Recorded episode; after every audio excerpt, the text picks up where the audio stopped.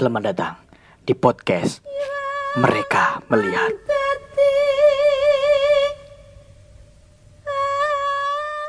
Halo teman-teman semua, kembali lagi di podcast Mereka Melihat. Kali ini episode kelima. Em, episode kali ini nggak seperti biasanya aku ngobrol sendiri. Kali ini aku ada teman yang mau nyeritain kisah horornya. Jadi ada dua temanku yang bakal ngobrol bareng. Udah pada ketawa aja nih. Iya. Itu cerita horor. Jangan bawahnya kita pengen ketawa karena Kita tuh kita tuh malam hari itu uh, karena bikin ini podcast. sangat berbeda mas beda kayak biasanya kita ketemu ini Uh, kita tuh podcast malam-malam di itu atas kantor rooftop ya kan di kantor kita terus semua ya ya gitulah suasana mas seharian jam berapa ini juga. sekarang jam berapa ini sekarang ini jam ini mas jam 23.41 hampir jam 12 di sini. Iya apa-apa. Biar biar nuansa horornya itu dapat juga. Oke. Ada ada yoga. Say hello yoga. halo semua everybody Ada Eko. halo semua Jadi sebenarnya siapa nih yang mau cerita horor? Eh, kali ini mulai Eko ya? dari aku dulu mas Oke oke. Bentar bentar bentar bentar. bentar. Kita kan karena podcastnya di alam liar ya. Ya kan? Jadi ya teman-teman mohon dimaklumi karena bakal ada suara-suara Yang motor mau yang lewat. Jadi mohon dimaklumi. Oke. koreknya mana korek Oke. Oh, mungkin ini mas juga sambil Sambil ngerokok. ngelepus dulu Oke, nggak apa-apa santai aja. Oke, gimana Mas Eko? Katanya ada. Sebenarnya teman-teman percaya nggak percaya? Aku tuh habis aja take, take bener-bener take eh, rekaman buat podcast episode kelima ini tuh sebenarnya ada topik baru, topik lain maksudnya. Cuman ternyata aku dibohongin. ternyata narasumberku yang sebenarnya mau tajak ngobrol tuh dia dia bikin cerita palsu langsung aku cut terus aku nyari narasumber lain nah, ternyata di sini ada temanku yang dia baru aja ngeh dia baru diceritain beberapa waktu yang lalu soal cerita horor. Nah langsung aja nggak usah banyak cincong ya. Gimana mas Eko? Yang mau mau share tuh apa? Kali ini aku mau nge-share dua cerita. Yang- langsung dua? Ya ini tapi ke- ini nggak se- ini ini benar-benar real yang Ini nyata, pernah aku nyata. Satu aja dulu nggak usah banyak Iya, banyak maksudnya ini satu dulu yang pernah saya alami dan Oh. satu cerita dari orang tua saya. Ini yang Oke. mulai singkat aja. Yang Mm. pertama cerita dari bapak saya. Jadi dulu waktu muda itu bapak saya eh, sering banget ikut eh, silat, ikut komunitas silat, ya istilah kayak SH Teratai, Kerasakti Hmm. dan contohnya Padan Alas dan lain sebagainya itu eh, bapak saya pasti setiap mudanya itu dihabiskan untuk eh, berlatih istilahnya ngelatih rogo. Iya see, iya. karo ngelatih dalam Jawanya itu latihan Sukmo. rogo karo latihan sukmo. Itu apa ya? Nek bahasa di dalam bahasa Indonesia apa ya? Eh, ro- latihan uh, jasmani rohani kan ya? dan Tenaga rohani. dalam, tenaga Nah, dalam. tenaga Hmm. dalam. Nah, jadi sebelum kita bisa meditasi kita bisa latihan tenaga tenaga rohani kita itu harus jasmani dulu mas Mm. Nah, jasmani itu kayak gimana ya? Kita kayak kita kalau eh, lihat di jalan itu kan pasti banyak orang-orang eh, silat yang pasti lari-lari malam, Ya, ya. pasti yang apa silat-silatnya latihan di lapangan malam-malam. Ya, Nah, benar. itu melatih jasmani, Mas. Melatih oh jas- baru jasmaninya ya Ya, eh, melatih jasmani itu eh, gimana caranya kita itu bisa menahan ketahanan diri kita terhadap ya kalau malam kan biasanya ada angin malam Ya. Kita tahan nggak kalau lari berapa kilo kita kuat nggak gitu ketahanan jasmani kita benar-benar dilatih nah kalau sudah sampai jasmani biasanya itu mau ke rohani itu gampang mas Hmm. jadi eh, kayak apa kita tuh harus dilatih dulu Jadi raga kayak kita itu fisiknya sampai ketahanan fisiknya sampai seberapa jauh gitu ya Ha, ha. istilahnya kalau orang-orang dulu itu biasanya prihatin prihatin tuh Hmm. Semedi di eh, istilahnya tempat-tempat sepi oh tirakat nah Tirakat. seperti itu seperti tirakat yang disampaikan Mas Yoga tadi Hmm. jadi orang-orang yang tirakat itu eh, mereka tuh pengen mencari jawaban atau mereka itu istilahnya untuk healing gitu loh mas self healing untuk menenangkan diri ya orang-orang dulu kan mesti eh, apa ibadahnya kan pasti eh, benar-benar kusyuk banget gitu loh Hmm. mas. Enggak enggak enggak semua tirakat itu itu sih mas. Buat buat apa? Tadi Mas Eko bilang buat mengingatkan. Mm-mm. Tadi Mas Eko bilang sebenarnya tirakat itu juga bisa kita itu punya hajat apa toh? nah benar salah kita eh, kita punya hajat apa, punya Hmm. keinginan apa? Orang Jawa yang dulu itu Terus tirakat pasti, dulu gitu eh, ya? Tirakat Kayak lelaku, misalkan puasa eh, puasa, Hmm. mutih Hmm. gitu Ah. loh. Iya. Lelaku, mubeng Heeh. desa. Nah, kayak gitu tirakat. cuman Terus- ini cuman ini eh, apa namanya peristiwanya di silat ya Heeh, di silatnya itu berarti ya Terus gimana Mas Eko? setelah itu setelah eh, punya kekuatan istilahnya kita bisa tangguh di jasmani sama rohani kita itu kayak dapat kekuatan secara tidak langsung tuh eh, energi-energi itu bisa kita rasakan gitu loh mas contohnya eh, orang-orang yang eh, bisa mematikan api tanpa Hmm. menyentuh masnya kan bia- biasanya pernah lihat orang-orang yang ini ada api kan dia cuman di kayak gini doang cuman didorong dengan tangan Yes. Apinya itu udah mati Hmm. des gitu Hmm. dan ada lagi bukan keris trik ya itu bukan trik bukan sihir tapi bener-bener nyata jadinya cuman kita menghela nafas keluarkan nafas des dan kita nggak perlu menyentuh api itu api itu udah langsung Iya. mati biasanya kalau kita eh, pakai angin kan nggak bisa mati-mati kan maksudnya harus biasanya anginnya kayak eh biasanya apinya kayak kabur dulu ah, terus kabur dulu, lagi eh, masih nggak Bang. bisa nggak bisa langsung mati jelek langsung gitu ah. Terus yang kedua itu biasanya bisa mendirikan keris eh, secara terbalik mas. Ah, iya. jadi keris itu nggak ada apa-apa. Ini cuman ya misalnya kita kasih eh, sanggaan bolpen Hmm. kerisnya dikasih sini. Kita fokus itu. Kerisnya berdiri. ini, kerisnya berdiri bolpennya diangkat. Nah itu contoh eh, Jadi ngambang? Iya kerisnya gini berdirinya terbalik. Kan keris kan biasanya dikeluarkan dari eh, tempat kerisnya itu kan Ah, Nah, ada gagangnya itu kan yang Hmm. diberdirikan itu eh, apa apa ujung ujung kerisnya itu yang ujung lancip yang itu Mas. lancipnya ha. Nah, bukan gagangnya itu nah itu yang itu kan kalau logikanya kan mesti jatuh ya pasti jatuh lah mas karena kan beratnya kan yang di atas ya Ha-ha. yang di pegangannya itu iya sama kayak orang-orang yang seniman seniman seniman yang bisa mendirikan bata tapi dia mendirikan batanya itu dengan sudut yang kemiringan 45 derajat Iya. nah, kayak nggak gitu. logis ya nah nggak logis tapi bisa berdiri Hmm. nah itu bisa dilakukan sama ayahku sendiri Gokil. aku pun juga kaget kan Hmm. wah ini kok bisa Ini tahun Nah. berapa, Mas?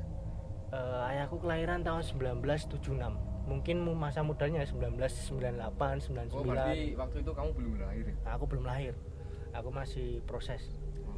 nah saat itu mas kebetulan bapak saya itu dekat dengan eh, orang dalam di keraton abdi bukan? Nah abdi dalam Abdi dalam.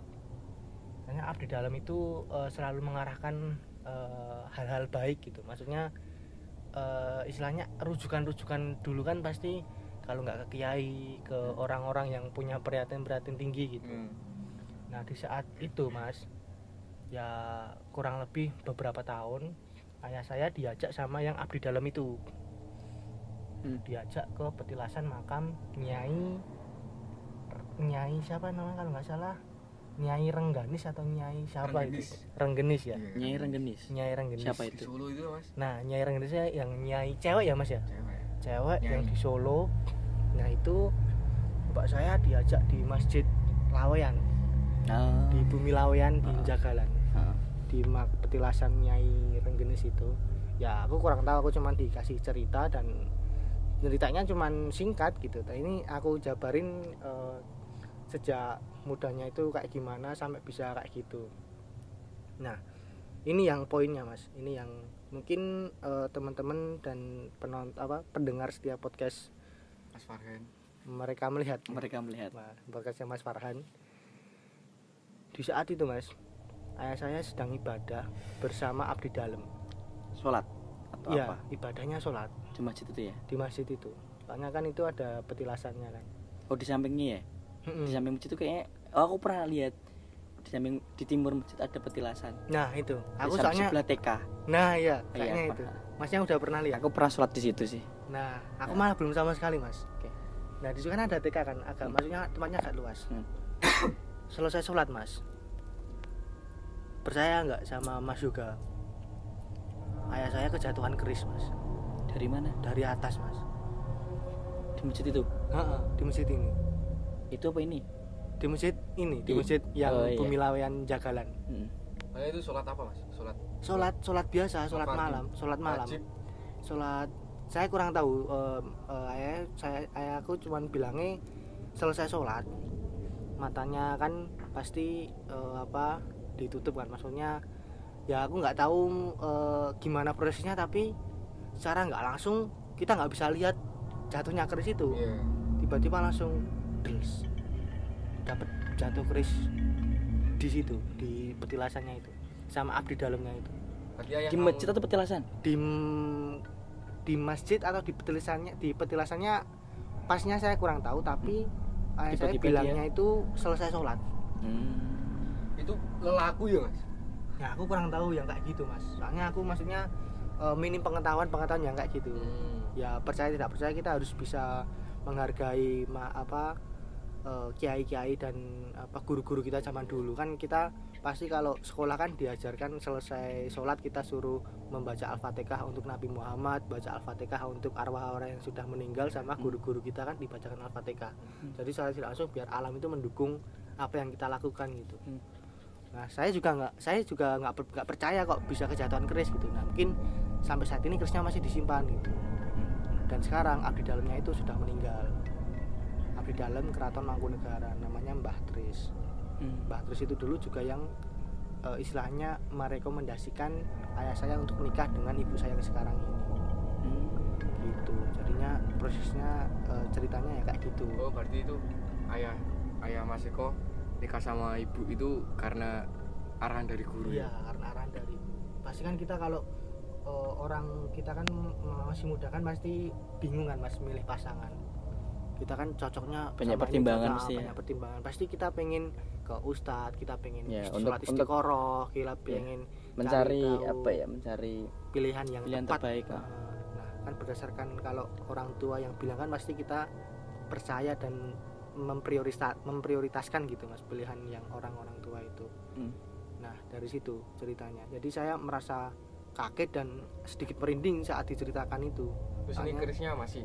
Kerisnya mungkin masih tapi saya nggak sempet eh, lihat dan nggak sempet ini mas ngecek gitu. Soalnya ayah saya kan pernah juga beli keris di alun-alun itu kan. Ta- tapi, tapi saya juga nggak selalu memperhatikan. Cuman ceritanya itu ya bikin saya kaget dan saya mau sharing di sini itu karena saya kaget dan nggak masuk akal gitu. Soalnya eh, dilihat dari bisa menja apa mematikan api tanpa disentuh bisa mendirikan keris itu mungkin dari tirakat-tirakatnya dulu itu.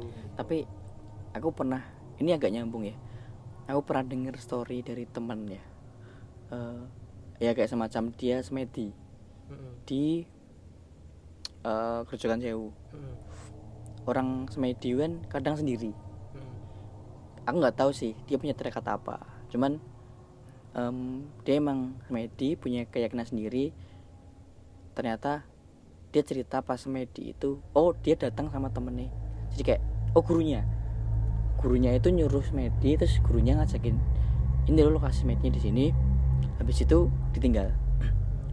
Nah ternyata pas semedi itu tuh emang kita disuruh untuk bisa eh, ngobrol dengan alam Bener. dengan batin kita. Iya. kayak merasakan kalau di di air terjun itu tuh merasakan air. eh, air kemudian udara terus suara-suara lingkungan dan sebagainya.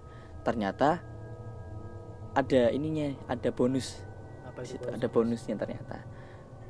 Eh, orang semedia gitu tuh ini nggak tahu ya maksudnya apakah terjadi pada setiap orang yang semedia atau enggak Eh, datang makhluk-makhluk kayak gitu datang nyapa ya mungkin wajar kali ya di di hutan ya kan? Kan itu di hutan mestinya di hutan eh, di air terjun rujukan sewu. Terus tiba-tiba dia datang nyapa kayak nguji mental. Hmm. temanku bilang dia diuji mentalnya kayak ditanyain kamu sini ngapain? Terus tujuanmu apa? Dan sebagainya.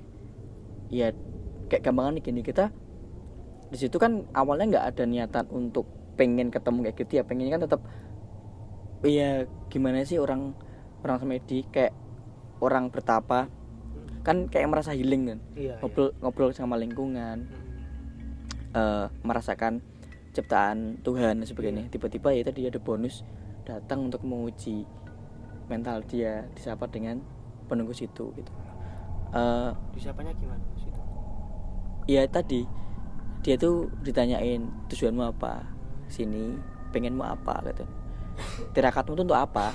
Masa kamu semedi untuk apa gitu ya temanku cuman pengen cuman ngomong dia di sini pengen ngelatih eh rohaninya itu. rohani rohaninya di situ ya kan? Pengen pengen ngobrol sama ling- alam dan sebagainya gitu. Karena eh, gurunya yang menyuruh gitu loh. akhirnya em, setelah eh, yang tadi muncul tiba-tiba muncul yang lain. Hmm. penunggu itu muncul yang lain ya mulai ada energi-energi yang menabrak energi dia. Ke bawah ya mungkin Nah, jadi energi itu ketabrakan dia kayak nggak kuat sesak nafasnya. Tapi dia mau nggak mau harus menyelesaikan itu. Itu tuh dia bilang jam 12 semalam sampai jam 4 subuh, 4 subuh lah di situ. Jadi emang guru gurunya dia tuh nyuruh untuk mau nggak mau kamu harus kuat di sini. Gitu. Nek kamu kuat di sini berarti kemungkinan kamu bisa mengasah rohanimu gitu. Kalau nggak kuat konsekuensinya apa mas? Eh mungkin gini. Bentar ada iklan. Iya ada motor. Aku pernah diceritain konsekuensinya bisa gila. Nah itu pasti. Bisa kalau gila. gagal ya mas ya? Oh. gagal gagal. Karena ke mana gini nggak siap orang siap dengan ujian kayak gitu. Hmm. itu kan sebenarnya ujian. Ujian dia untuk kuat gak nih menghadapi cobaan kayak gitu. Karena u- u- cobaan dia ke depan tuh lebih banyak. Memang diuji. Kalau nggak siap dia bisa gila. Eh, stres. Karena kan siapa sih yang nggak siapa sih yang kuat ketemu dengan kayak gitu gitu loh posisi kayak gitu. Orang masih kabur. Atau emang di situ dia ketakutan sampai gila bisa. Cuman temanku untungnya berhasil karena selama ini yang diceritain Mas Eko mungkin tadi. Hmm. sebenarnya sebelum tirakat kayak gitu orang tuh perlu mengasah raganya dulu. Iya. Jadi raganya harus fisiknya harus kuat dulu. Kalau fisiknya udah kuat biasanya ketahanan jasmani apa jasmani eh rohaninya itu biasanya bisa mengikuti. Hmm. kayak gitu. Untung temanku juga dia juga eh, perguruan salah satu perguruan silat juga. Jadi emang dia punya tantangan di situ. Akhirnya berhasil. Ya ya itu sih maksudnya kayak menyambung orang-orang yang tirakat kan banyak orang tirakat ya. Iya. salah satu tadi mas Eko bapaknya eh, tirakat terus tiba-tiba kejatuhan apa Keris. keris. Itu kan kayak nggak masuk akal aja gitu loh. Ya ya percaya nggak percaya sih cuman kita sering banget denger cerita kayak gitu gitu loh. Ya kayak itu sih. Jadi eh, mungkin teman-teman semua di sini pernah dengar juga kali ya story eh, cerita kayak gitu tentang orang tirakat terus tiba-tiba ada yang datang tiba-tiba eh, ada hal-hal lain yang aneh yang muncul kayak tiba-tiba mungkin ada barang atau benda yang datang Hmm. tiba-tiba. Itu bisa terjadi gitu loh karena kita udah kayak sering denger ceritanya cerita kayak gitu gitu loh. Itu sih mungkin teman-teman bisa em, apa ya ceritain kalau punya pengalaman juga kayak gitu di Instagram kita kalian bisa DM aja story kalian apa pun juga. Atau juga mau mau ngasih tahu em, pengalaman yang sama juga. Atau keluarganya atau teman-teman semua yang pernah semedi atau tirakat. tirakat ya. Apa apa pernah kalian melihat sosok-sosok kayak gitu? Tapi rata-rata emang kalau Jawa Tulen emang zaman zaman dulu mesti mas. Ya sesepuh kita gitu mesti. Tirakat. Kalau- pernah mengalami. Oh, oh. kalau kalau zaman sekarang kan tirakatnya kita tirakatnya pakai laptop mas. Udut. Yang ini ki. Ya udut ya mari ngantor udut nggak podcast. Ya itu sih story kali ini. Eh, semoga teman-teman semua terhibur dengan story kali ini. Ini kayak story yang story dicampur dengan sejarah sih. Iya kan? benar, Mas. Kita harus ya harus percaya kalau zaman dulu tuh emang eh, bisa saja kita eh, apa memberikan eh, belajar dari hal-hal yang eh, zaman orang-orang dulu itu lakukan secara tidak langsung tuh kita bisa memahami prihatinnya orang-orang dulu tuh luar biasa sekali. Kalau aku mikirnya gini sih belajar soal tirakat ya. Orang dulu itu kan tirakat karena punya keinginan. Tirakatnya itu kayak menurutku adalah perjuangan ya kan? Eh mungkin aku bisa kayak bandingin dengan orang-orang sekarang. Kalau punya keinginan kayak pengen buru-buru ingin dapat instan. instan dan nggak dan apa ya dan kayak pengen cepat aja gitu loh. Padahal kalau kita lihat story mbah mbah kita dulu tuh pengen apa harus tirakat dulu kayak memperjuangkan dulu gitu loh kayak gitu sih. Itu jawabannya gampang mas. Apa? karena kita generasi Z. Maunya bebas. Eh maunya cepet eh. Heeh.